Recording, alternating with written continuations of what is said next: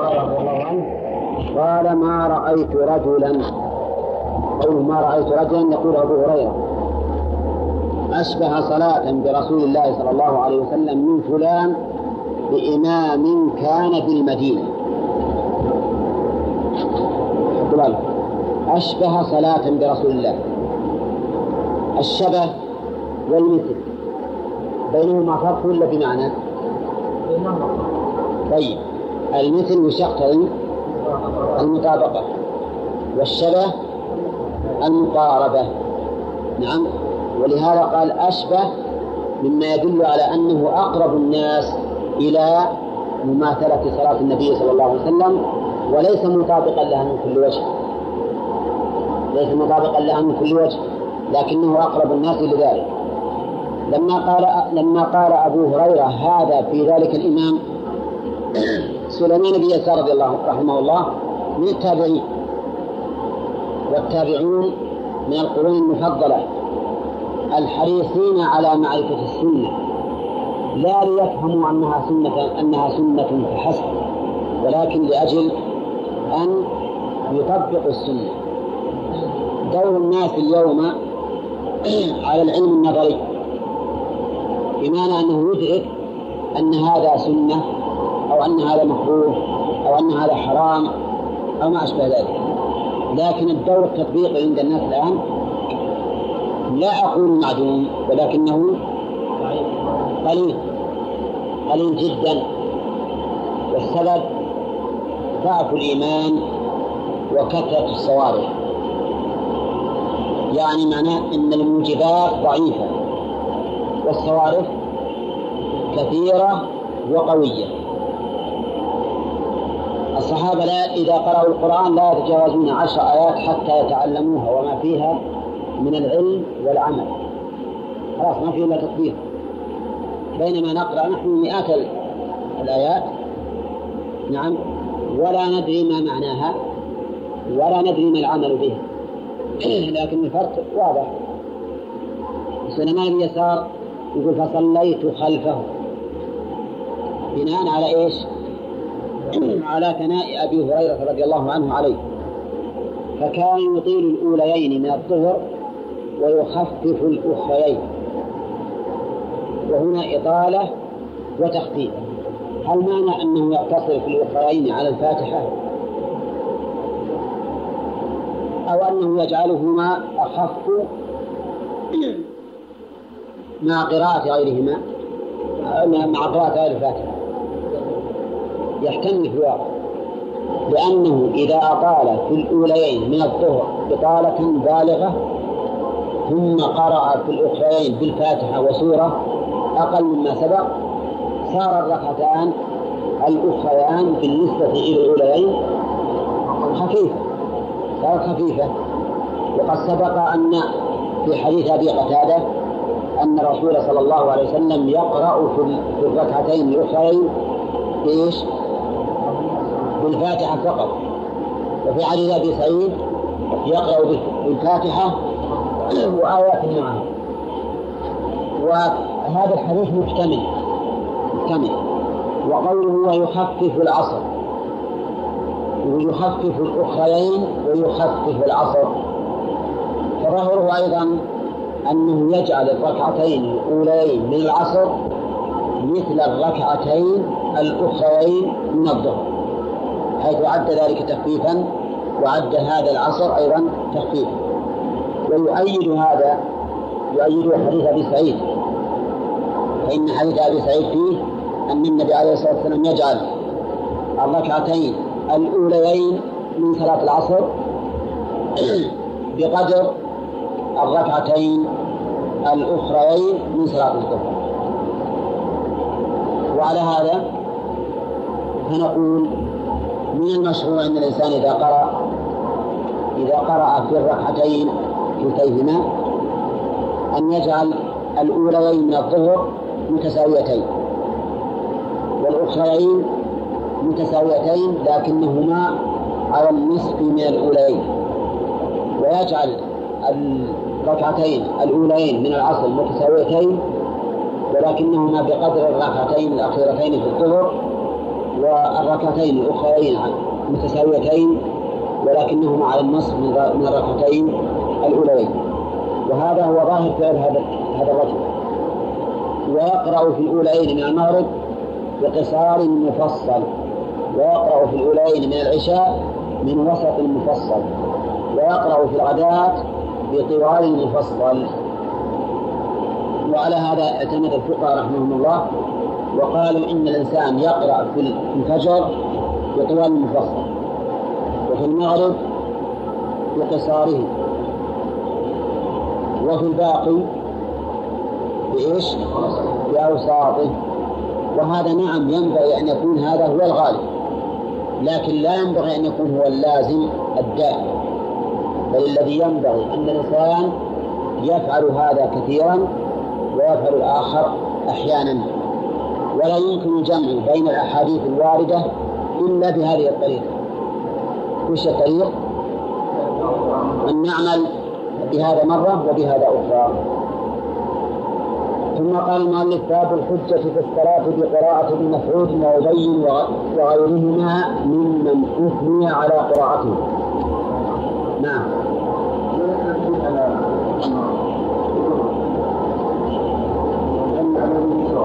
نعم. نعم. في حديث أبي قتادة يقيم الأولى، لكن في حديث أبي سعيد كما مر علينا. لا.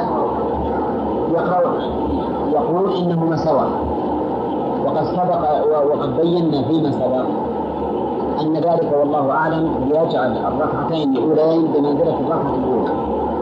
يجعلهم سواء يطولها. والأخرين بمنزلة الركعة الثانية. على أن بعض أهل العلم يقول ما فيه طول في الفرق بالآيات ولكن القول بصفة القراءة. بصفة القراءة. لكن هذا فيه نظر. لأن الظاهر أن قراءة النبي صلى الله عليه وسلم واحدة ولكن مقول بالآيات ولهذا الصحابة بالمقيم ولم يقولوا مثلا يرتل أو ما أشبه ذلك. والأصل في الإطالة أنها بالكمية لا بالكيفية اي نعم اقرب ما له حديث ابن سعيد. اقرب ما له حديث ابن سعيد. شلون؟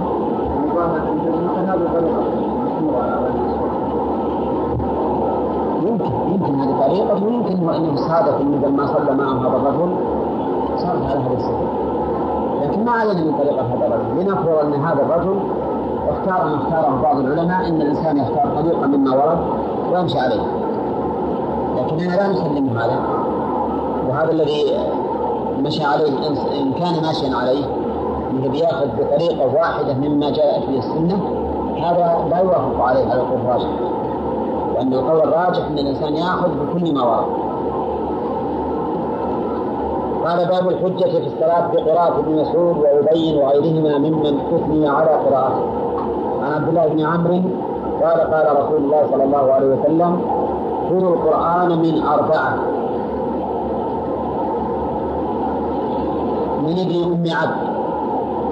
قوله من ابن أم عبد هذا بدل من قوله من أربعة لكن بإعادة العامل.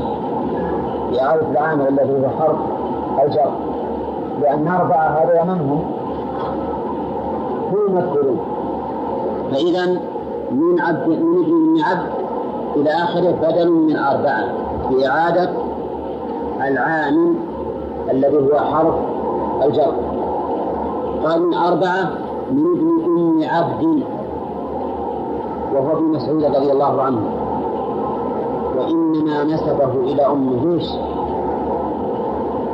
إشارة إلى أن الأمر أو أمر الإنسان أو أمر الصلاح لا يتوقف على وجود الأب وأنه ليس الفضل بالنسب وإنما الفضل بالعلم. نعم. ولذلك نسبه إلى أمه مع قوله حرم منه. فنقول هنا نسبه إلى أمه إشارة إلى سببين إلى أمرين. فيما يبدو لنا وإن كان هذا هو مراد الرسول صلى الله عليه وسلم أم لا. الأمر الأول أن الصلاح لا يتوقف على وجود الأب. فقد يكون الإنسان ينسب إلى أمه ويكون من أصلح الناس. وعادة الإنسان ينسب إلى أمه إذا كانت تربيته سيئة وهذا ما راح أحد يربيه هذا هذا عايش بين النساء. نعم. لكن هنا المسألة مقام ثناء. هو إشارة إلى أن الإنسان وإن لم يكن له أب فقد يكون صالحا وقد يكون عالما وقد يكون إماما. والأمر الثاني أن الفضل ليس بالنسب وإنما الفضل بالعلم. فهذا الرجل حتى لو كان لا يعرف إلا بالنسبة لأمه فلا يضره إذا كان ذا علم وإماما في العلم. الثاني معاذ بن جبل. فبدأ به. بمن؟ ابن مسعود. ومعاذ بن جبل وأبي بن كعب وسالم مولى أبي حذيفة. قول الراوي فبدأ به إشارة إلى مزيته على غيره. ولذلك بدأ به. ولكن قد يقول قائل البدء بأحد هؤلاء الأربعة متعين. أولى صحيح ولا بد أن يبدأ إذا عينه. لا بد أن يبدأ بأحدهم. إلا أننا نقول كونه يخص هذا بالبدء. ما بدأ بمعاذ يدل على أنه أفضل وقد استدل النبي صلى الله عليه وسلم على التقديم بالاعتبار. بقوله حينما دنا من الصفا أبدأ بما بدأ الله به. مع أن الله لابد أن يقول إن الصفا والمروة أو يقول إن المروة والصفا. لكن لما قدم الصفا على المروة دل على أن هذا التقديم لا بد أن يكون معتبرا. كذلك هنا تقديم ابن أم عبد على هؤلاء الثلاثة يدل على مزيته عليهم. وأبي بن كعب وسالم مولى أبي حذيفة رواه أحمد والبخاري والترمذي وصححه. آه، لماذا خص هؤلاء الأربعة؟ الظاهر أنه خص هؤلاء الأربعة لكثرة تلقيهم القرآن عن النبي صلى الله عليه وسلم.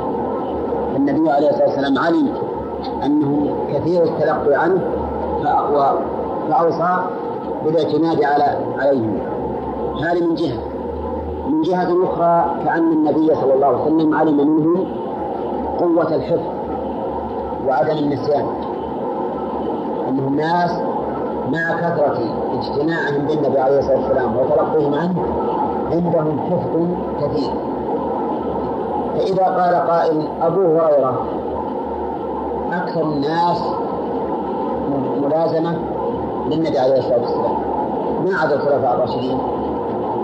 ومع ذلك عنده أيضا من الحفظ شيء كثير.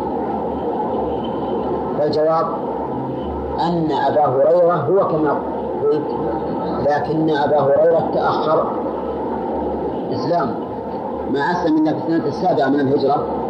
وأما هؤلاء فإنه متقدم إسلامه. ولذلك نقول الفرق هو هذا.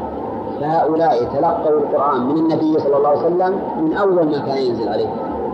وأما هذا فقد تأخر إسلامه رضي الله عنه.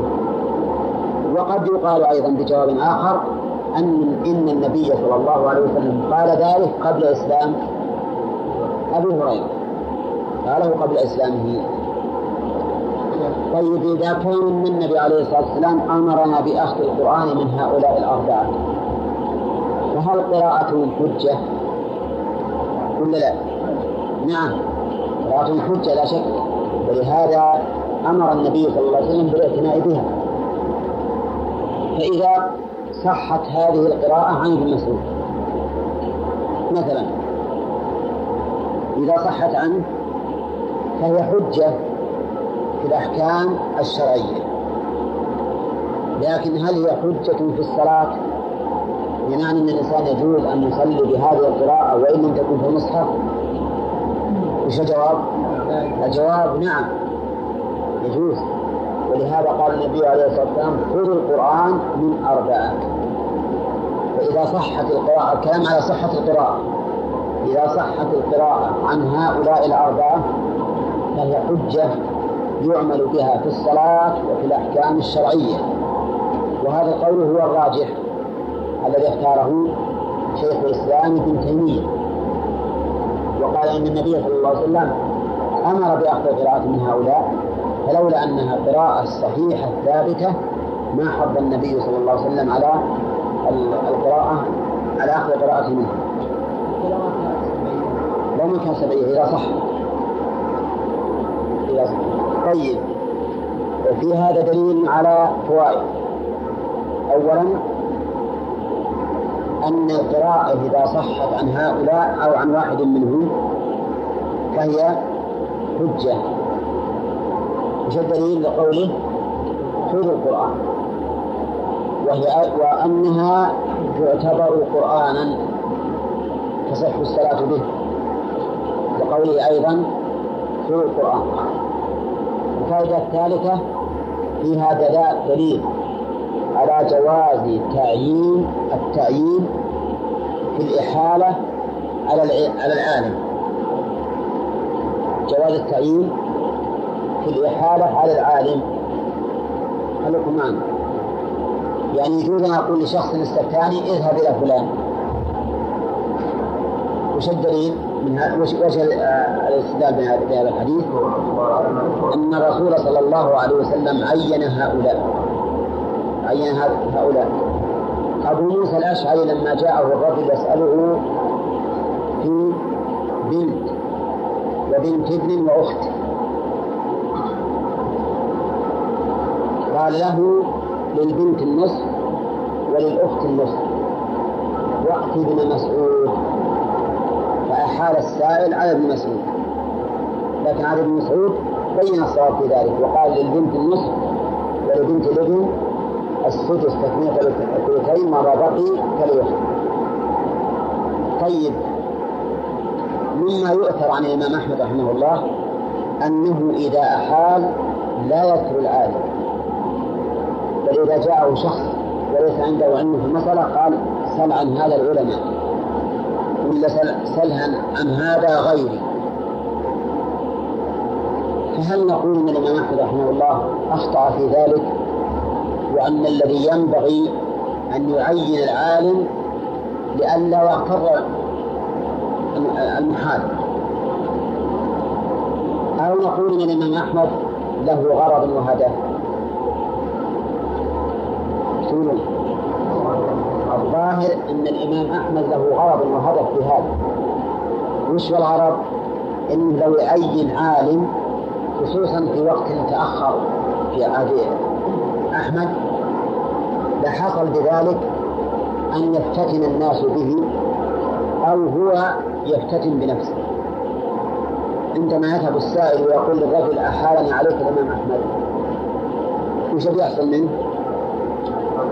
إذا لم يعصمه الله فسوف يرجو في نفسه. ثم إنه أيضا يكون فتنة للغير. هذا الرجل طبعا سيحدث سيقول سألت الإمام أحمد وأحلني على فلان. مما يدل على أنه أعلم منه مثلا. والعامة كما يقال العوام هو ما يقدرون الأمور. فكأن الإمام أحمد رحمه الله لا يعين خوفا من افتتان الإنسان بنفسه وافتتان غيره به. قد يقول قائل وثم سبب ثالث وهو أن الناس في عهد الإمام أحمد الحقيقة اختلفت عقائدهم ومناهجهم وقد يكون الإنسان من الجهمية المعتزلة وما أشبه ذلك. نقول هذا والله أعلم غير وارد لأن الإمام أحمد إذا قلنا إنه يعين فلن يعين إلا من إلا من يثق به ويعرف سلامة عقيدته. فهذا الاحتمال وإن كان قد يظن أنه سبب من الأسباب التي تمنع الإمام أحمد من التعيين لكنه في الواقع غير واقع لأن الإمام أحمد مهما كان لا يمكن أن يعين إلا من إلا من يثق به. على كل حال مسألة التعيين أو عدم التعيين هذه تعود إلى المصلحة. إذا كان من المصلحة أن أعين الشخص الذي أحيل عليه فلأعينه وإذا كان من المصلحة ألا أعينه فلا أعينه. قد يكون أحيانا من المصلحة أن أعينه لأني أعرف إن أقرب الناس إلى الصواب في هذه المسألة المعينة فلان. نعم. فأشيره عليه. أو مثلا يسألني إنسان عن باب من أبواب العلم. أعرف أن فلانا أجود الناس فيه. فأحيله عليه مثلا. لأن لو قلت سل العلماء يمكن يسأل عالم هو في هذا الباب ضعيف. فإن العلماء يختلفون في العلم حتى في الأبواب. قد يكون عالم من العلماء جيدا في هذا الباب غير جيد في الباب الآخر. وهذا أمر يجد الإنسان نفسه أحيانا أنه يجد نفسه في هذا الباب متقنا. وفي الباب الآخر من أبواب العلم ضعيفا هكذا أيضا أهل العلم. قد يكون هذا الرجل أعلم من هذا الرجل في مسألة من أو في باب من الأبواب وذاك أعلم منه. في باب آخر من الأبواب. نعم. آه، طيب. فيها أيضا دليل على فضيلة هؤلاء الأربعة. وهم ابن مسعود ومعاذ بن جبل وأبي بن كعب وسالم مولى أبي حذيفة. وفيه أيضا دليل خامس على أن العلم لا يختص بذوي الشرف والجاه. أم عبد نعم نسب إلى أمه إشارة إلى أنه ليس شرف الإنسان بأبيه بل بما معه من العلم والثالث سالم مولى أبي حذيفة مولى من الموالي. ومع ذلك أحال النبي صلى الله عليه وسلم عليه أمته أن يأخذ القرآن منه.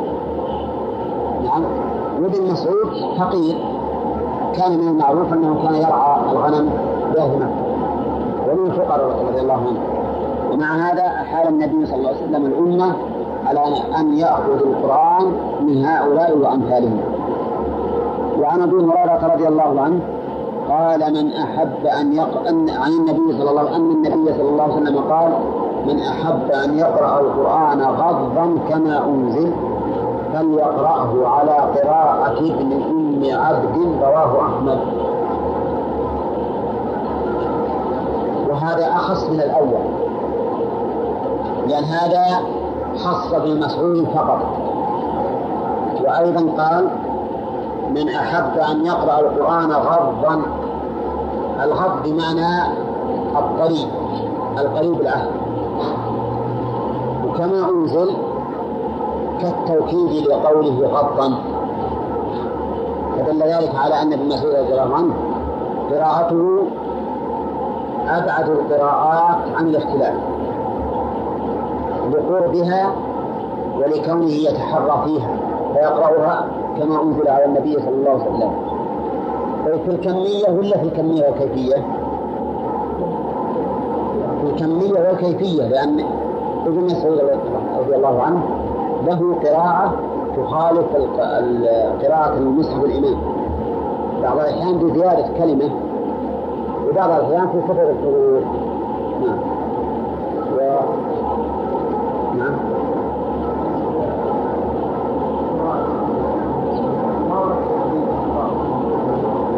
نعم.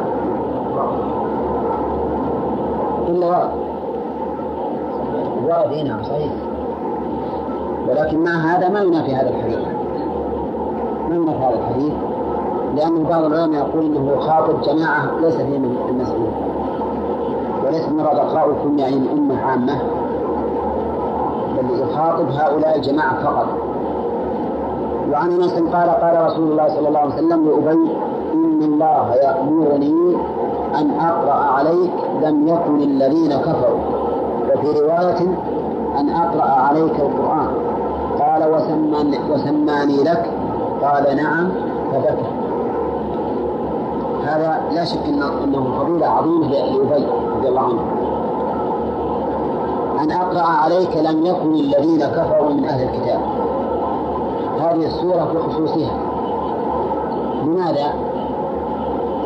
لأن أبي كان من أهل الكتاب أولا فأراد فأراد النبي فأراد الله عز وجل من من قراءة نبيه عليه أن يبين حال أهل الكتاب وما من الله به على أبي حيث أسلم إذ جاءته بينة لأن الله تعالى يقول لم يكن الذين كفروا مع الكتاب والمشركين والمفكين إلى متى؟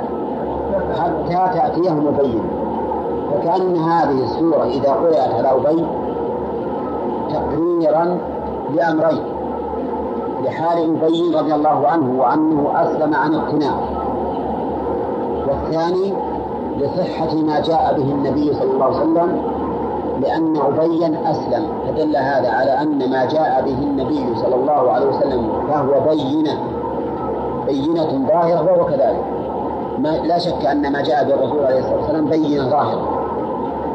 لهذا أمر الله نبيه أن يقرأ على أبي هذه الآية.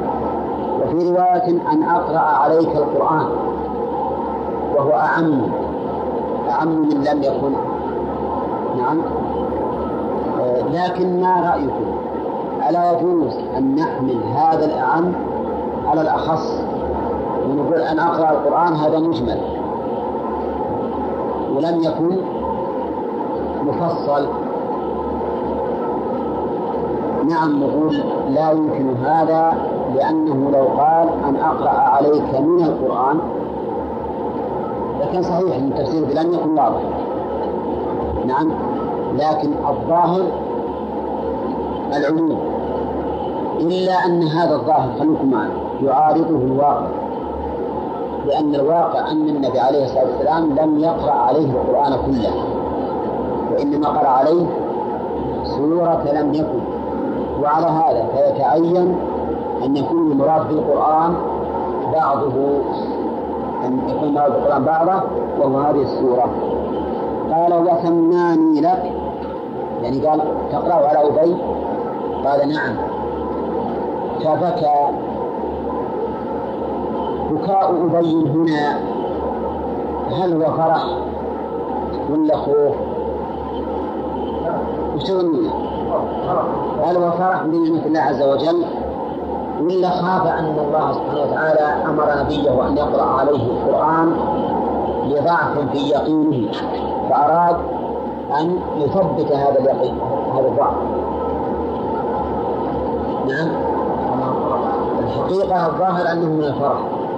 الظاهر أنه بكى فرحا لا فرقا وخوفا.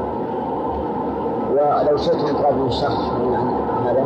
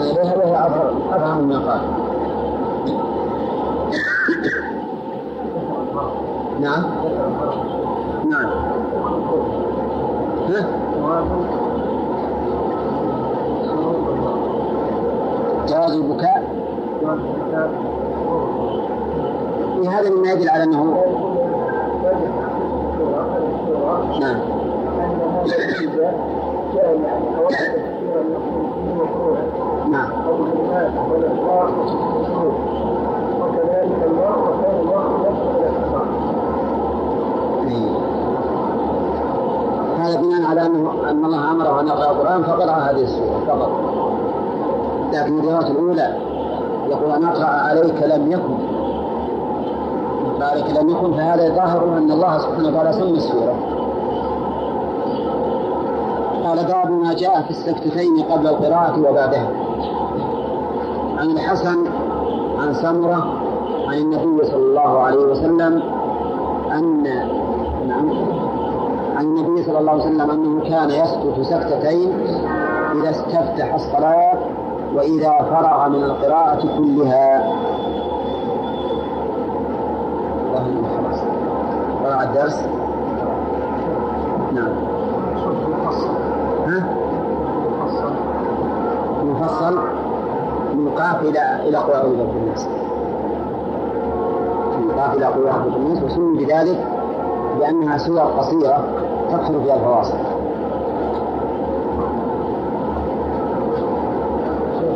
نعم نعم نعم خلاف إيش؟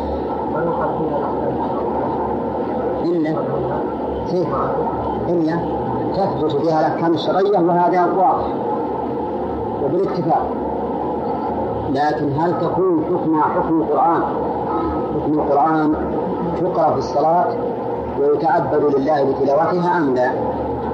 المشهور ما تبدأ والصحيح بلى وأنها حجة في القرآن يتعبد بتلاوته نعم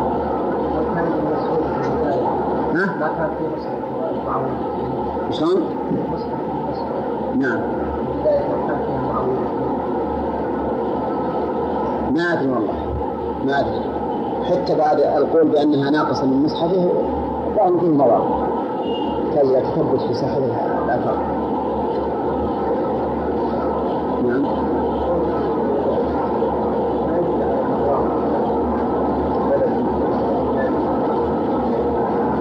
لا لا بس يدل على فضله عليهم من أراد أنه أفضل منه صلى محمد الرافع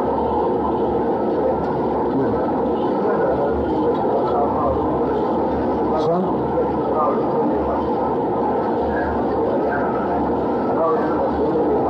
وين؟ يجي شرح السلف في الحسن عن سمره الكسر هذا سنبين شرع السلف فيه كانوا يذكرونه لسبب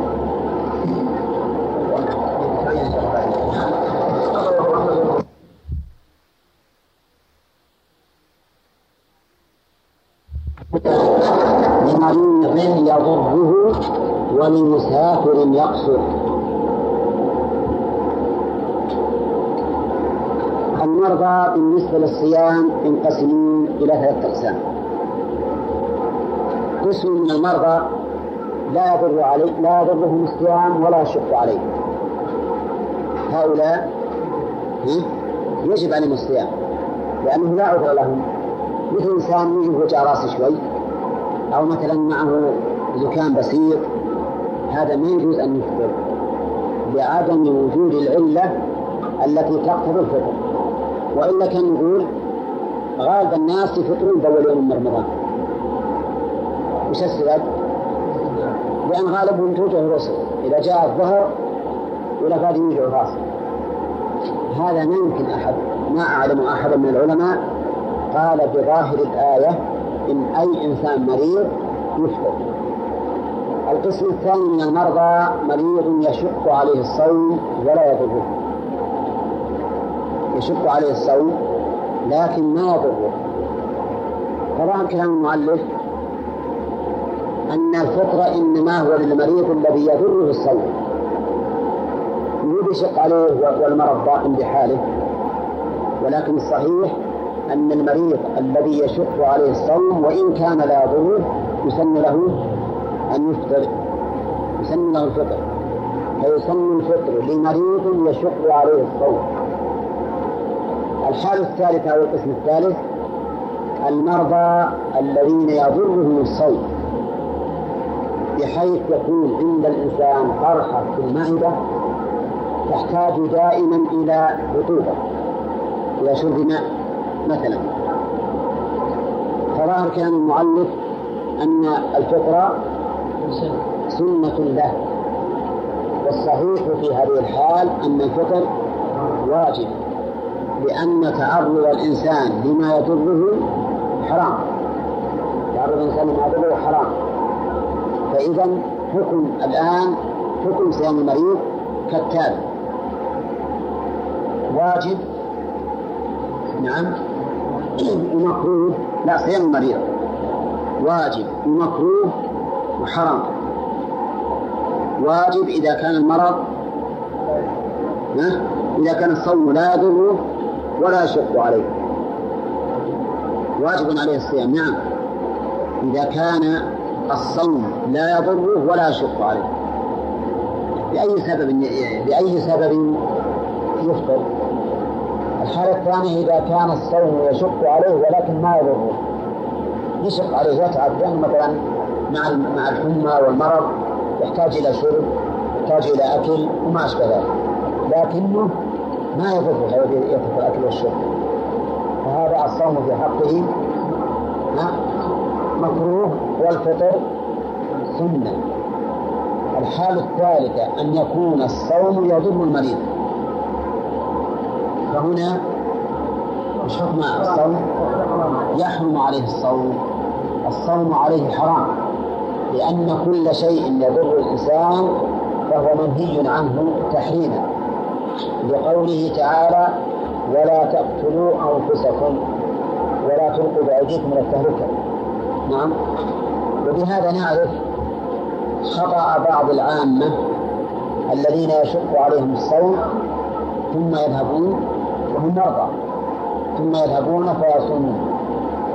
والهم الذي يتكلف ولا يضرهم ولا يهمنا يقول لكن الله تعالى قد رخص لكم والذي ينبغي أن يقبل الإنسان كرم كرم الكريم. نعم. طيب. وقال المؤلف ولمسافر يقصر. يعني ولو بلا مشقة. إذا كان مسافر يقصر وش معنى يقصر؟ يقصر أي يجوز له القصر وإن لم يقصر. افرض أن المسافر يقول ما يقصر يبتل يقول ما دام يجوزك القصر الفطر سنة في حقك. نعم. إذا كان يقصر من هو الذي يقصر؟ هو الذي سفره مباح ويبلغ مسافة القصر الذي سفره مباح ويبلغ مسافة القصر وتقدم أن الصحيح أن القصر ليس له مسافة معينة وإنما يرجع في ذلك إلى إلى وما تعرفه الناس سفرا لكن هل يشترط أن يكون مباحا؟ نعم. المذهب يشترط ليش؟ لأنه يقول ما يمكن إنسان نبيح له رخص السفر وهو عاص بسفره. وهو عاص بسفره. ولاحظ أيضا يجب أن تعرف الفرق بين العاصي في السفر والعاصي في السفر. العاصي في السفر يترخص. والعاصي في السفر لا يترخص وش الفرق بينهم يا خالد؟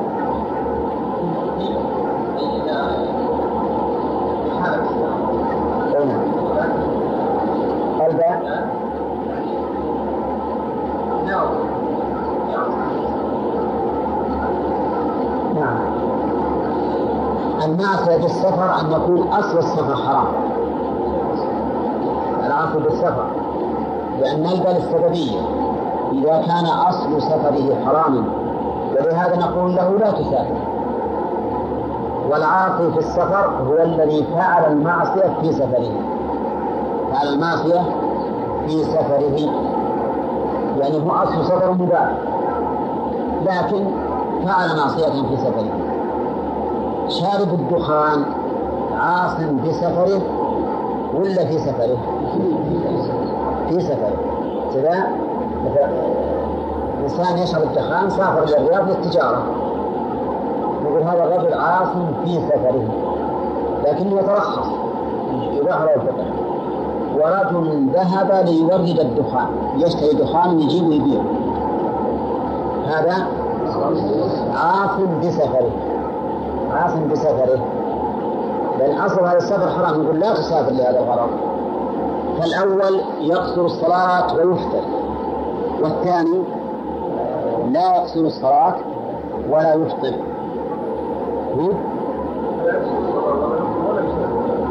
ولا لكن يسافر الآن. نعم. ولا يسافر في الأصل يقول لا تسافر لكن إذا سافر يقول لا تقصر الصلاة ولا تفطر ولا تمسح بخفين ثلاثة أيام لأن هذا السفر محرم. كذا ولا لا؟ طيب. وش العلة في هذا الشيء؟ يقولون العلة أن رخص السفر تسهيل وتيسير على المكلف والعاصي بسفره هل يستحق أن يرخص له؟ لا ما يستحق لكن شيخ الإسلام ابن تيمية رحمه الله وكثيرا من أهل العلم يقولون كونه عاصيا بسفره لا يمنع من الرخص لأن الرخص مقيدة بالسفر. وكونه آثم بسفره أو غير آثم ما دخل بالرخص ولهذا يقولون إنه إذا كان عاصيا بسفره فهو كالعاصي في سفره.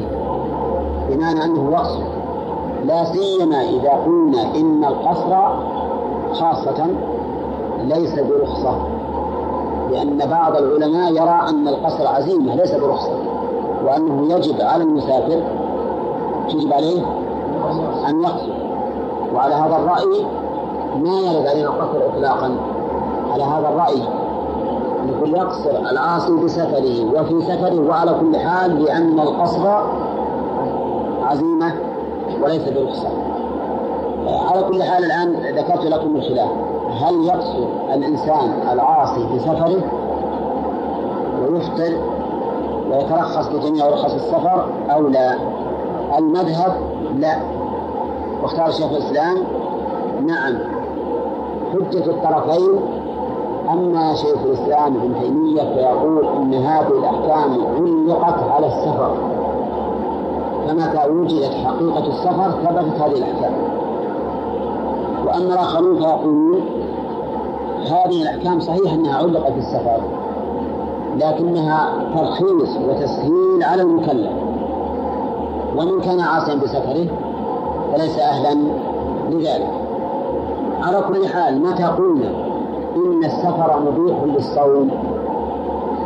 فاعلم أن ذلك على أربعة أقسام. على أربعة أقسام. أولا أن يسافر الإنسان ليفطر. يسافر ليفطر. فما حكم الفطر في حقه؟ هذا حرام. حتى وإن قلنا إن العاصي بالسفر يقصد. لأن هذا الرجل ما نقول الفطر عليك حرام لأنك عصيت بسفرك وإن كان في الحقيقة عاصم بسفره أيضا. لكننا نقول حرام لأنك فعلت فعلا تتحيل به على إسقاط. هذا الواجب. هذا الواجب. ولو أننا رخصنا به لكان كثير من المهلين إذا جاء رمضان. سافروا ولا صاموا. سافروا ولا صاموا. هذا قسم. القسم الثاني يسافر يشق عليه الصوم مشقة عظيمة غير محتملة. الصوم في حقه حرام. شوف الأول الصوم واجب. اللي ذهب سافر ليفطر والذي يشق عليه الصوم مشقة كبيرة الصوم في حقه حرام. الثالث الذي يشق المسافر الذي يشق عليه الصوم مشقة يسيرة محتملة. فالصوم في حقه مكروه والسنة إيش السنة؟ أن يفطر الرابع الذي لا يشق عليه الصوم. والصوم والفطر عنده سواء لأن النهار قصير والوقت والوقت بارد إنسان ما تكلف ولا شق عليه وإن أفطر كذلك. فهذا اختلف العلماء فيه. فمنهم من يقول إن الأفضل الفطر الأفضل في حق الفطر والصوم مكروه ومنهم من يقول إن الأفضل في حقه الصوم والفطر جائز. ومنهم من يقول الفطر والصوم سواء. فهم يا جماعة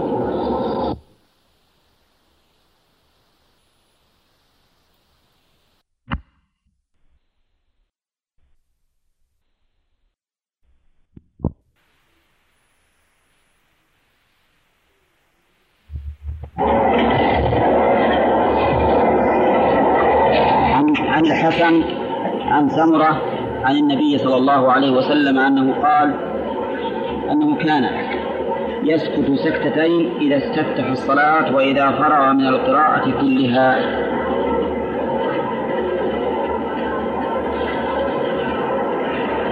أولا قال المؤلف عن الحسن عن سمرة وقد سأل عنها أمس عبد العزيز المانع لماذا جاء بالتابعي مع أن الإتيان بالصحابي يكفي. والجواب على ذلك لأن العلماء اختلفوا في سماع الحسن من سمرة الحسن البصري معروف. هل هو هل سمع منه أو لم يسمع منه؟ وقد علم أن الحسن رحمه الله وإن كان إماما جليلا لكنه من جملة المدلسين. من جملة المدلسين. فقد ينسب إلى الشخص ويروي عنه وهو لم يسمع منه. اعتمادا على ثقة من نقل على ثقته بمن نقل الخبر عنه.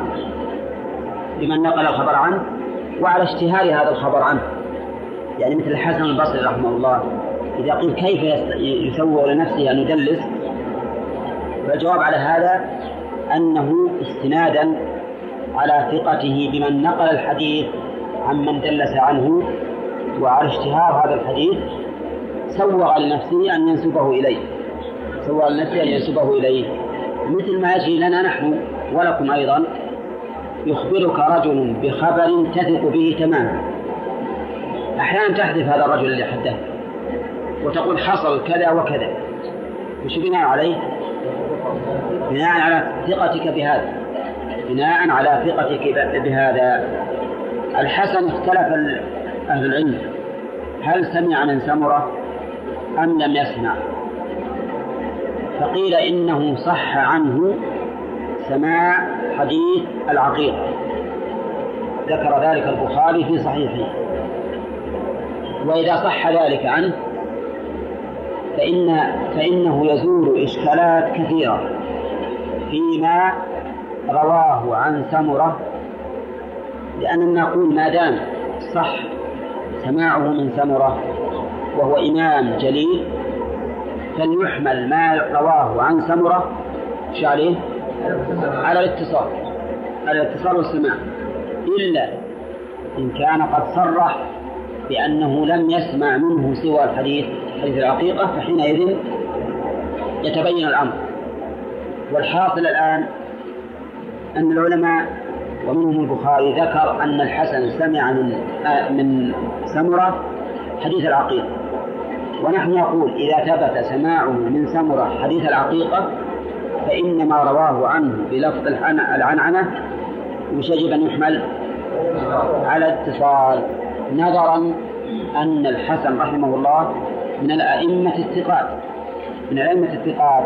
ولا أحد يجادل في ثقته. لا أحد يجادل في ثقته.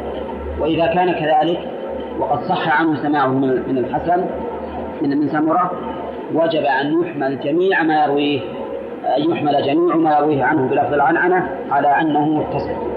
وإلى هذا ذهب بعض المحدثين وقال إن الحسن صح سماعه من سمرة حديث العقيقة فيحمل ما عداه على السماع والاتصال. وبعضهم قال لم يسمع منه شيئا لا حديث العقيقة ولا غيره. وحينئذ يرد أو التدليس يرد التدليس ويحكم بأن ما رواه عنه يعتبر منقطعا يعتبر منقطعا مدلسا. نعم. هنا المؤلف ذكر الحسن عن سمرة. ليش؟ لأنه لو حذف الحسن وقال عن سمرة لظننا أن الحديث متصل حيث لم يذكر الراوي الذي روى عن سمرة فلما أشار إلى ذكر سمرة صار فائدته أنك ترجع إلى ما قاله العلماء في إيش؟ في رواية الحسن عن سمرة ليتبين لك هذا الحديث هل هو متصل ولا منقطع؟ طيب عن النبي صلى الله عليه وسلم أنه كان يسكت سكتتين. إذا استفتح الصلاة والمراد والمراد بعد تكبيرة الإحرام. وهذا الاستفتاح هذا السكوت سأل عنه أبو هريرة النبي صلى الله عليه وسلم فقال له أرأيت سكوتك بين التكبير والقراءة؟ ما تقول؟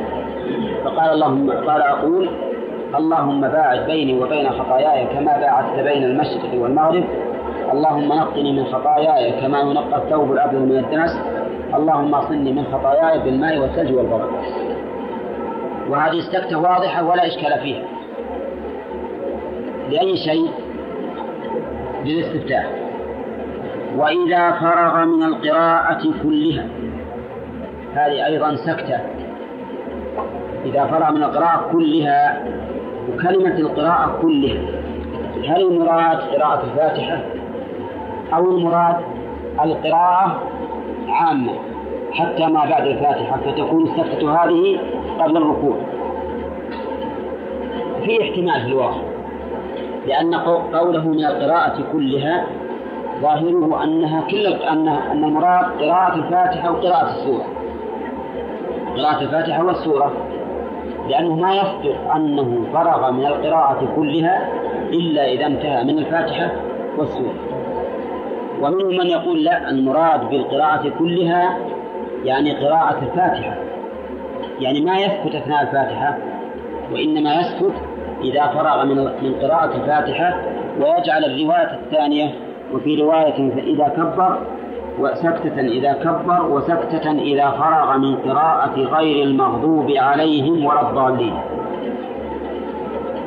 فيجعل القراءة كلها هذه مجملة و وقوله إذا فرغ من قراءة غير المغضوب عليهم الضالين يجعله مش مفصلة مفصلة ومبينة. وعلى هذا فتكون السكتة كم؟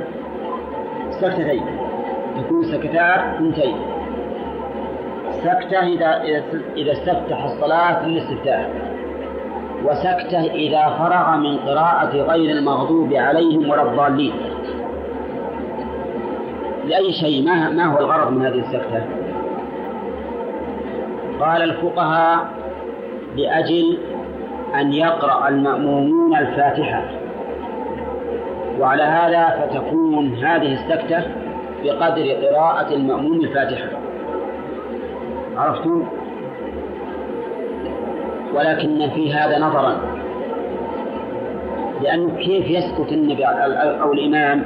كيف يسكت الإمام لقراءة المأموم خلفه وهو يقرأ سرا؟ لو كان المأموم يقرأ جهرا لقلنا ربما أن المسألة على التبادل مثل ما إن المأموم يسكت لقراءة الإمام وينصت كذلك الإمام ينصت لقراءة المأموم وإن كانت المسألة فيها قلب.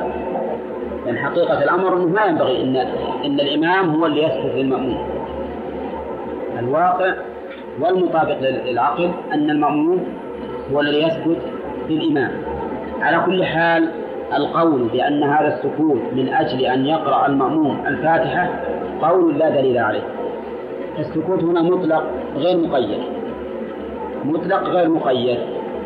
وبعضهم يقول هذه السكتة لأجل أن يتراد نفسه إليه يتردى النفس. وعلى هذا وهذا أيضا فيه نظر. وش السبب؟ أولا إما هناك نفس حافز للإنسان بحيث أنه يبقى له مدة يلا ينفس أولا هل اللي يقرأ الفاتحة ملحوق نفسه يلاحقه؟ أو لا؟ لا.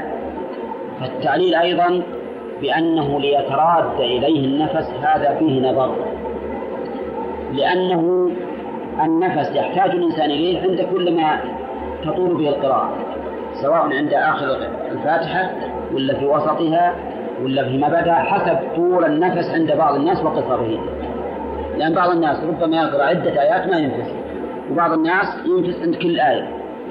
وعلى كل حال فالنفس شيء بسيط ما يسمى سكتة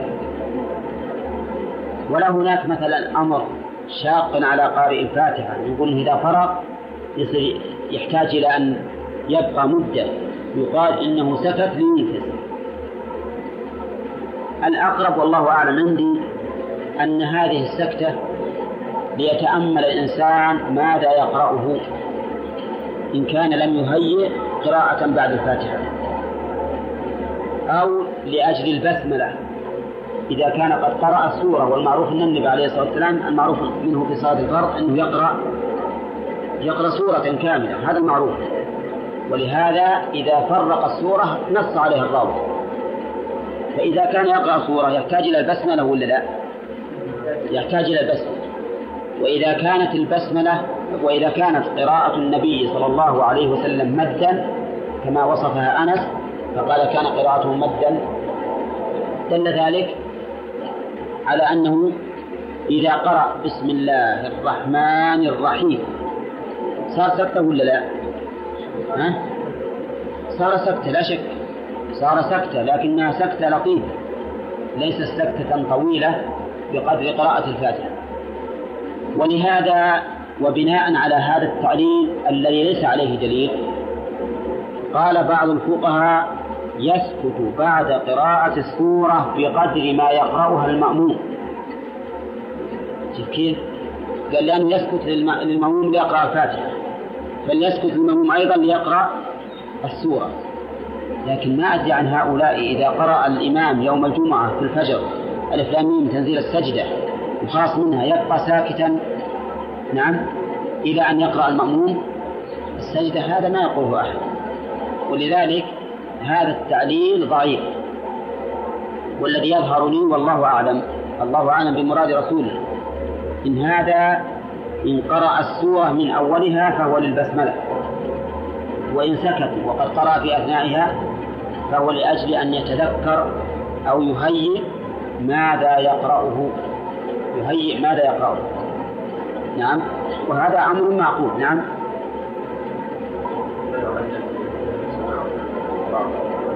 إيش؟ بسماع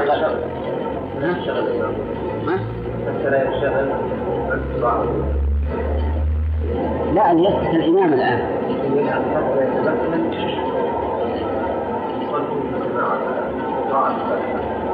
من قراءة الفاتحة. هو هذا اللي قاله الفقهاء. هذا هو الذي قاله الفقهاء لكن كنا قلنا في هذا نظرا. قلنا إن في هذا نظرا لأن الظاهر يبي السكت إلى هذا الطول. الصحابة لو كان يسكت هذا الطول لبينوه. لبينوا أن يسكت بقدر الفاتحة. ولكن الظاهر أنها سكتة ليست بطويلة. ليست طويلة طيب بقينا بالسكتة الثالثة. إذا إذا كان التقدير وإذا فرغ من القراءة كلها إن المراد القراءة التي بعد الفاتحة.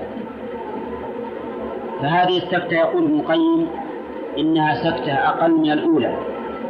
إنها سكتة أقل من الأولى وسكتة ما كل أحد يدركها.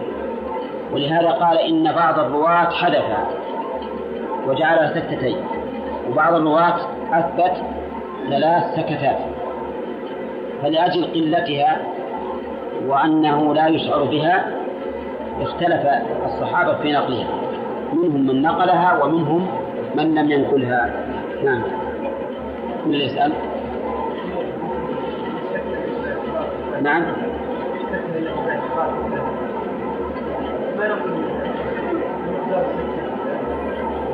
بعد قراءة الفاتحة. بمقدار إيش؟ لا. نعم. إيه؟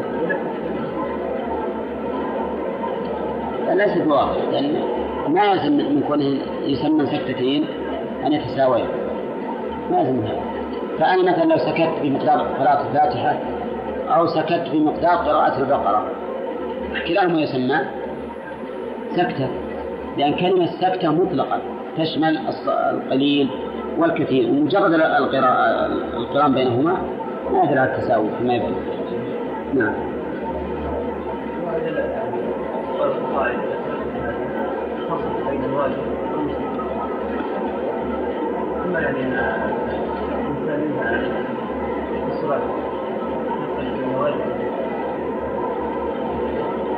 هذا صحيح هذا تعليل جيد. لكن يبي يشكل علينا مسألة إذا إذا أخذنا بهذا في الحقيقة لأن الذكر في الصلاة يعتبر جنسا واحد بدليل واحد يقول سبحان ربي الأعلى ثلاث مرات. ولا يشرع له إذا قال الأولى. أن يسكت بخلاف مثلا العبادة المستقلة عن الأخرى كصلاة الفرض ونفله ونفله. وكذلك أيضا صيام الفرض ونفله. فإن الشارع ظاهره ظاهر يعني الوقاية التي وقعت أنه ينبغي للإنسان أن يفصل بين الفرض والسنة لكن لكن مراد السنة المستقلة. فأما الأذكار فلا يبدو فلا يظهر لي أنه يراد بها الفصل أنه يراد بها الفصل. ثم أيضا لو قلنا بهذا لو قلنا بهذا لكان من المشروع إن الإنسان يسكت حتى في الصلاة السرية.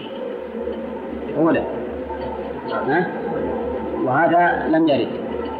إنما ورد في الصلاة الجهرية فقط. ولكن قد يقول قائل الصلاة الجهرية لأنها يتبين فيها القراءة. يتبين فيها القراءة. فناسب إن الإمام يفصل لأن يظن الناس أن كلا القراءتين أو كلتا القراءتين واجبة. يعني قد يقول هذا. على كل حال الاحتمال اللي ذكره حمود الآن نشوف هل نحرره هل يصلح ولا ما يصلح. ها؟ قلنا اللي هو يقول لعله إنما يثبت لأجل الفرق بين فرض القراءة ونفلها الفرق بين فرض القراءة ونفلها لأن الشارع أتى أو حسب ما حصل من أمور جزئية فردية بطلب الفرق بين الفرض والسنة. نعم. نحن أوردنا على هذا الاحتمال إنه يقتضي أن يفرق الإنسان بين قول سبحان ربي العظيم الأولى. وسبحان ربي العظيم. الثانية تعالوا هنا هنا يا أوسع وبين قول سبحان ربي الثانية والثالثة مثلا. أو ما فيه سبحان ربي العظيم يقول الإنسان ثلاثة. الأولى منها واجبة.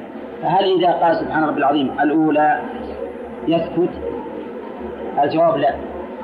كذا. إذا هذا الاحتمال يكون غير وارد. يعني غير مقبول قصد. هذا غير مقبول. لأنه أيضا لو قلنا بهذا الاحتمال لوجب أن نقول إنه يشرع للإنسان في الصلاة السرية إذا قرأ الفاتحة أن يسكت ولا نعلم أحدا قال به. هذا وجه ردنا على هذا الاحتمال. لكن قد يقول لنا محمود مثلا إنما احتجنا إلى الفصل بين فرض القراءة وسنتها في الصلاة الجهرية لأنها هي التي تبين للمأمومين. فناسب أن يفصل ليتبين للمأموم أن قراءة الفاتحة غير قراءة غيرها حتى لا يختلط فرض القراءة بنفلها. وأما الذي يقرأ لنفسه فقد علم الأمر فلا يحتاج إلى فاصل. الذي يقرأ لنفسه سرا قد علم الأمر فلا يحتاج إلى أن يفصل حتى يتبين لغيره فرض القراءة من نفلها على كل حال هذه العلة قد تكون وجيهة قد تكون وجيهة وإذا كان بمعنى أن النبي عليه الصلاة والسلام يسكت ليتبين للناس أن القراءة التي بعد الفاتحة ليست كالقراءة ليست كقراءة الفاتحة. نعم.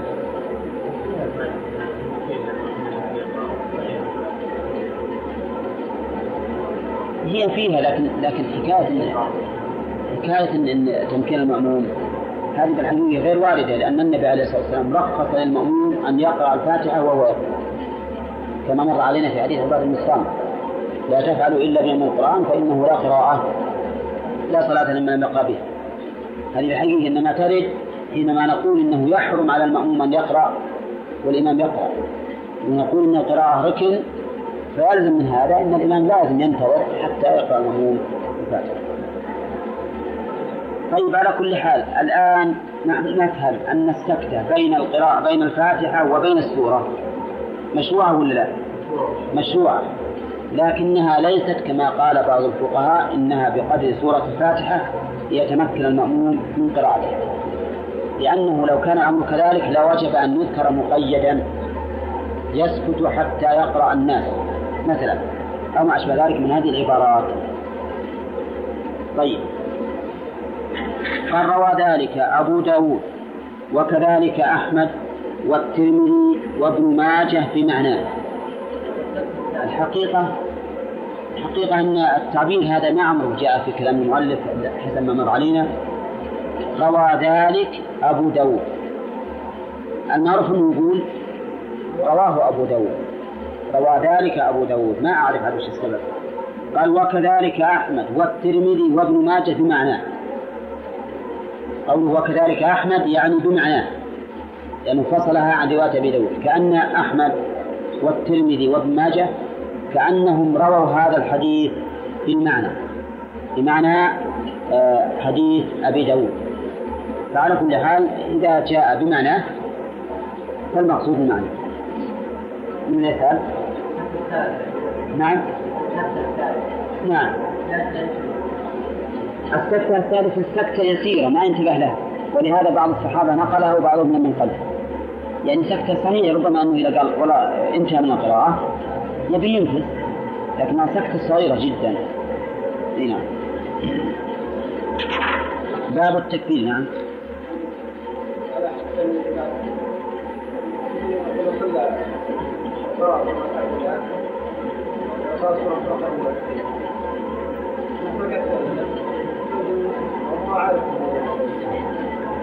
هذا وارد هذا وارد لكن عنه الجواب. ولا النبي عليه الصلاة والسلام قرأ في سورة المؤمنون فلما وصل ذكر موسى وهارون أو ذكر عيسى أخذ ساعة فركع لكن هذا في في ذهني كان في ذهني والجواب عنه كثير جدا. أليس يمكن أنه ينسى؟ ينسى وش عليه. إحنا دائما ننسى وش عليه بالركعة الأولى. نعم؟ أحيانا ينسى الإنسان وش قرأ في الركعة الأولى؟ خلاص ما أدري وش قرأ احتمال ما ما هو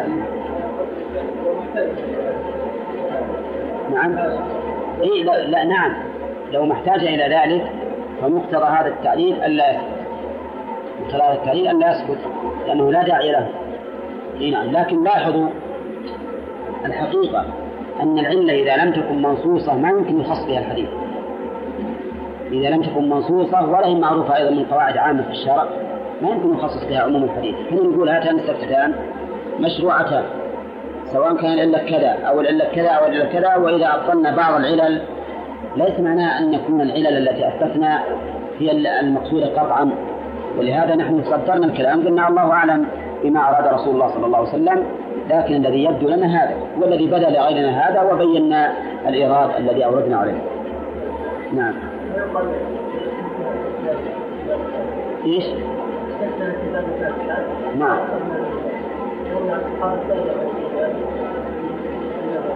نعم. إن يمكن نقول هذا إن أكثر. وهي أكثر في الواقع هي أكثر من من في الاستفتاح ولهذا الأخ أحمد لما أورد قارن السكتتين يلزم التساوي قلنا ما يلزم التساوي لكن ما ذكرت أيضا طيب لأنه حقيقة إيجابي وجوابي لأحمد سلبي ما هنالك أنه ما يلزم التساوي. أما هذا فهو واضح. لو كان سكتة طويلة ما كهذا سألوا عنه. قال باب التكبير للركوع والسجود والرفع عن ابن مسعود قال رأيت النبي رأيت رسول الله صلى الله عليه وسلم يكبر في كل رفع وخفض وقيام وقعود. رواه أحمد والنسائي والترمذي وصححه. التكبير للصلاة عند الاستفتاح هذا مجمع عليه. وتسمى إيش؟ تكبيرة الإحرام. وقد جاء في الحديث تحريمها التكبير وتحليلها التسليم. فلا بد من تكبيرة الإحرام. غير تكبيرة الإحرام محل نزاع. هل هو واجب أو سنة أو يترك؟ ولهذا احتاج المؤلف إلى إيراد هذه الآثار. قال رأيت النبي صلى الله عليه وسلم يكبر في كل خفض في كل رفع وخفض. رأيته يكبر. كيف رأيته يكبر؟ التكبير. قول. ومتعلقه السماع ولا الرؤية؟ السماع ما قال سمعته يكبر في كل خفض بل قال رأيته. فإما أن نقول إن جملة يكبر حال من النبي عليه الصلاة والسلام. نعم. أو نقول إن مفعول رأيت محذوف. رأيت النبي صلى الله عليه وسلم يصلي. رأيته يصلي يكبر في كل خفض ورفع إنما الرؤية ما يمكن أن تتسلط على التكبير نفسه. ما يمكن تتسلط على التكبير نفسه لأن التكبير قول والقول لا تتعلق بالرؤية. فإما أن نقول إن جملة يكبر حال من رسول الله. رأيته حالة كونه يكبر أو إنها حال من فاعل لفعل محذوف. تقدير رأيته يصلي يكبر في كل رفع وخفض وقيام وقعود. وأظن التكبيرات هكذا تكون. بس. وأظن التكبيرات هذه واضحة. نشوف الآن. في كل رفع هل هذا عام على إطلاقه ولا لا؟ وش استثنى منه؟ لا في كل رفع رفع. الرفع من الركوع. فإنه لا يكبر وإنما يقول سمع الله لمن حمده وإن كان مأموما قال ربنا ولك الحمد. إذا يستثنى من كلمة رب وش استثنى؟ الركوع بالنص وبالإجماع أيضا ما علمت أحدا قال يكبر في الركوع بقينا خفض في كل خفض يستثنى منه شيء ولا لا؟ ها؟ كل خفض في الصلاة فإنه يكبر فيه طيب قيام في كل قيام وقعود وش يصير قيام وقعود؟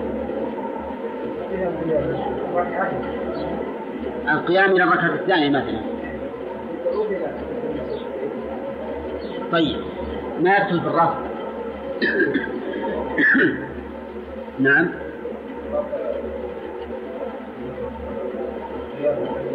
لا الرفع من الركوع ما في التكبير أصلا.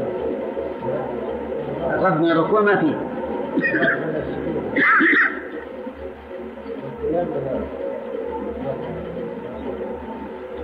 طيب. في كل رفع من السجود أولا والقيام إلى الركعة الثانية. طيب والقعود؟ نعم. على كل حال الذي يظهر إن هذا من باب العطف. عطف المتماثلين. لأن كل ورفع فهو إما قيام وإلا قعود. وكل قعود قيام ففيه خفض ورفع فالمقصود هنا من كلام المسعود بيان التأمين. يعني أنه أراد أن يعمم فأتى بالقيام والقعود اللي هو منتهى الخفض والرفع وأتى بالخفض والرفع الذي هو وسيلة القيام والقعود. لأن حقيقة الأمر خفض نزل. وش بيصير؟ يبي يجلس يبي يقعد مثلا. ومن القعود السجود لأنه وإن كان في في نظر في الحقيقة السجود لا يطلق عليه القعود لكن يدخل في الخفض. ولا؟ السجود الآن ما يدخل إلا في كلمة خفض لأنه ما هو داخل لا في القيام. ولا في القعود كذا طيب يبقى عندنا الآن الخفض الآن والخفض صار ما يدخل فيما بعد ما يدخل فيه ما بعده. يبقى عندنا الرفع والقيام والقعود هذا هو الذي قلنا هذا هو الذي يظهر أن فيه إرادة التعميم. كم تكون التكبيرات على هذا؟ تكبيرة الركوع تكبيرة السجود والرفع منه والسجود الثانية.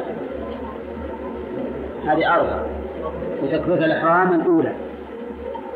هذه خمس خمس في الركعة الأولى. أولى. طيب ما يخالف؟ خلينا نشوف. تكبيرة الإحرام وتكبيرة الركوع وتكبيرة السجود وتكبيرة القيام منه للجلوس. وتكبيرة السجود وتكبيرة القيام. زين إلى الركعة الثانية. هذه ست صحيح. ويأتي التفصيل في في حديث الحديث الذي بعده عن عكرمة قال قلت لابن عباس صليت الظهر بالبطحاء خلف شيخ أحمق الأحمق هو الذي لا يحسن التصرف هذا الأحمق. الذي لا يحسن التصرف قال فكبر ثنتين وعشرين تكبيرة. هذا وجه الحمق عند عكرمة. وكأنه في ذلك الوقت كأن الأئمة لا يكبرون. إما إنه لا يشعرون بالتكبير أو لا يكبرون مطلقا. ولهذا وصف عكرمة هذا الشيخ بأنه أحمد قال فكبر اثنتين وعشرين تكبيرا. يكبر إذا سجد وإذا رفع رأسه. نعم. اثنتين وعشرين سنين كم الصلاة الآن؟ رباعية. صليت الظهر رباعية ما فيها شك يعني ما نقول نقوله بالبطحة يحتمل أنه مسافر وأنه صلى ركعتين فقط لأنه ما يمكن سنة 22 إلا إذا صارت رباعية. إحنا عدينا تو ست في الركعة الأولى؟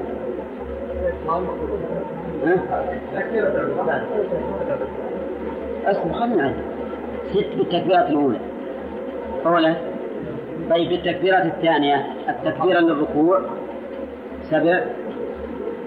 التكبيرة للسجود. التكبيرة للرفع منه. التكبير للسجود مرة ثانية. التكبير للقيام إلى الركعة الثانية آه، إلى آه، التشهد. التكبير للرفع من التشهد للقيام التشهد. التكبير للركوع وللسجود وللرفع منه وللسجود مرة ثانية. آه، طيب. في الركعة الأخيرة. حطيناه طيب للقيام الملك الثاني بيزيد عندنا الضرب القيام الركعة الرابعة. القيام من الركعة الرابعة. طيب صحيح. وبعدين التكبير للركوع والتكبير للسجود والتكبير للرفع منه والتكبير للسجدة الثانية والتكبير للتشهد. إيش بقي عندنا؟ ها؟ كم الآن؟ هذه 21 إيه.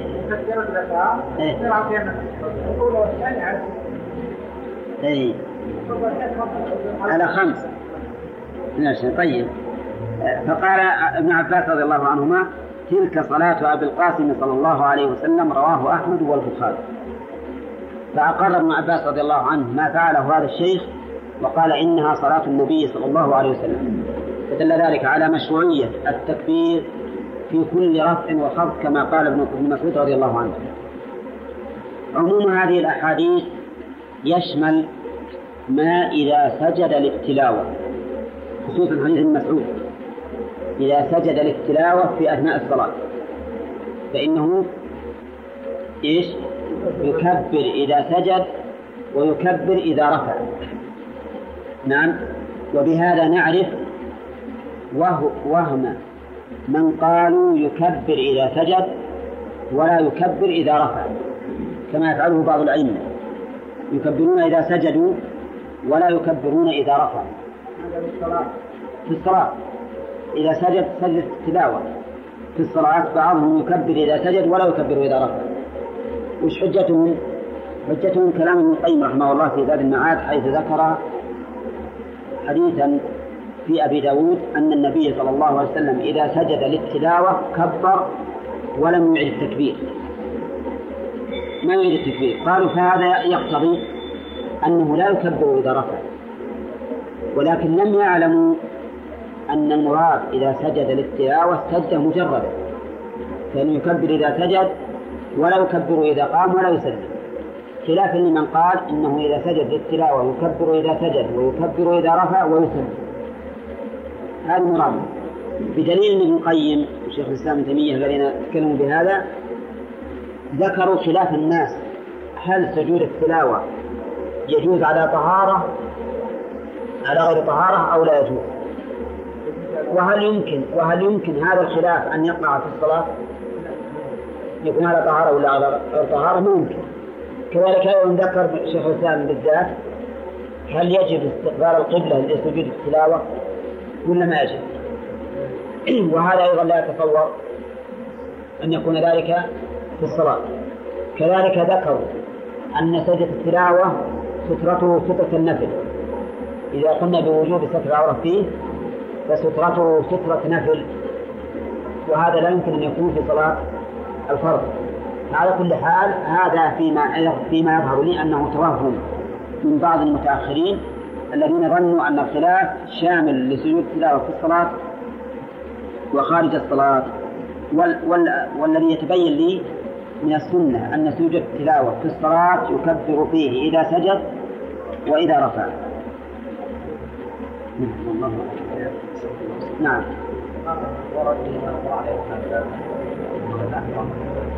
شلون؟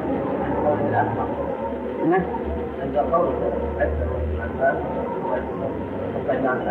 إيه؟ رد عليه يعني أنه قال له يعني قال أخطأت من ليش؟ يعني أنبه على وصيب الأحمر يمكن يعنبه لكن ما أدري هل وردت ولا لا لكن التعنيم مناسب يكون تصير جاهل وتجهل غيرك ما فيها شك. نعم. شلون؟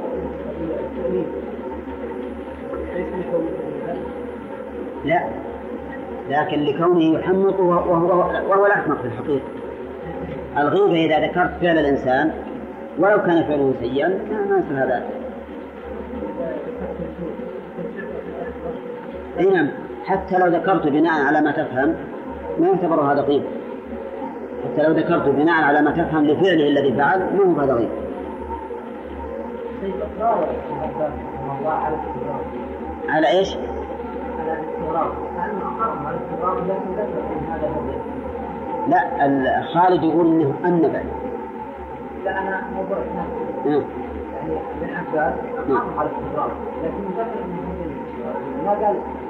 ما قال كيف هو احمق والناس لا نعم لأن قلت لكم أنا انه في عهد بني أمية كانوا لا يكبرون. لا يكبرون؟ نعم. لكن بعضهم يترك التكبير نهائيا وبعضهم يسر به. وبعضهم يسر به. هذا هذا هذا هو الواقع. ولذلك عكرمة استغربه قال هذا رجل أحمق اللي يكبر كل ما رفعوا 22 مرة يكبر.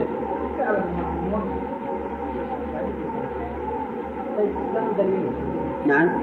أبدا ما في دليل. هذا من تصرفاته. من تصرفاته قد ذكر شيخ الإسلام هذا من من التصرفات السيئة التي يلجأ إليها لجأ إليها بعض الأمراء في زمن بني أمية. مثل ما تعرفون مروان حينما أخرج المنبر للخطبة عليه في صلاة العيد وأنكروا عليه. ومثل ما تعرفون أنهم كانوا يجهزون الجيوش لقتال عبد الله بن الزبير في مكة المكرمة. نعم. بناء على أنه خارج لأن حقيقة الأمر أن الخلافة له كانت في الأول. وأنه يعني ما بقي إلا إلا إلا دمشق. هي التي منها خرج ابن أمية من جديد. إذا كان بالأول استولى على كل العراق وغالب الشام وعلى الحجاز كله. ولكن الله سبحانه وتعالى قدر ما حصل. نعم. نعم. إذا سجد يكبر. وإذا رفع من السجود يكبر. لا ما يلزم يقرأ ما يلزم وما يلزم يقرأ. يكبر إلى منه مع الناس يكبر ثاني ما في شيء.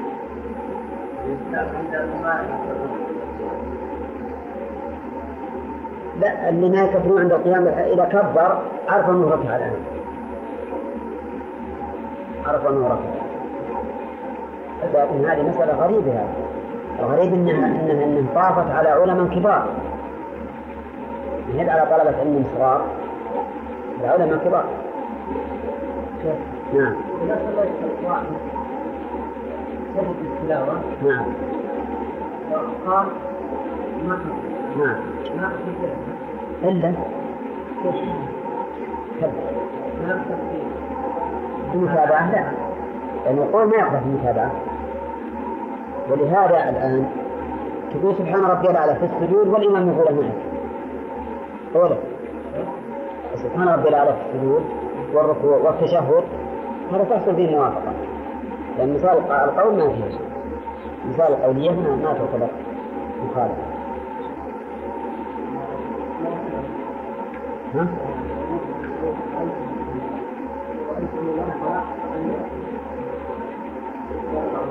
لا لا قصدنا اللفظ معه وأما كونه يرفع في كل حد ورفع فهذا الحديث عله بعض العلماء بأنه وهم من الراوي.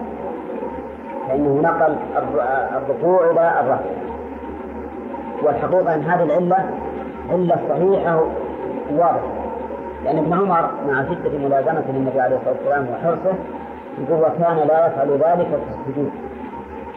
ولهذا الصحيح أنه لا يتم رفع اليدين إلا في المواضع الأربعة التي ثبت فيها النص. هنا.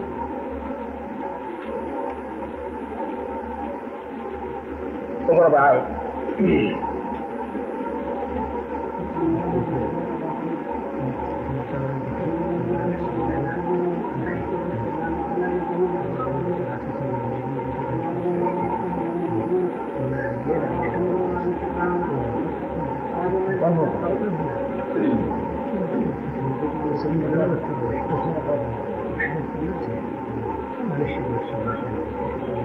بعائد هذا جلدين ما نفسه ما أطيبهم أنا أعرف أعرف طيب طيب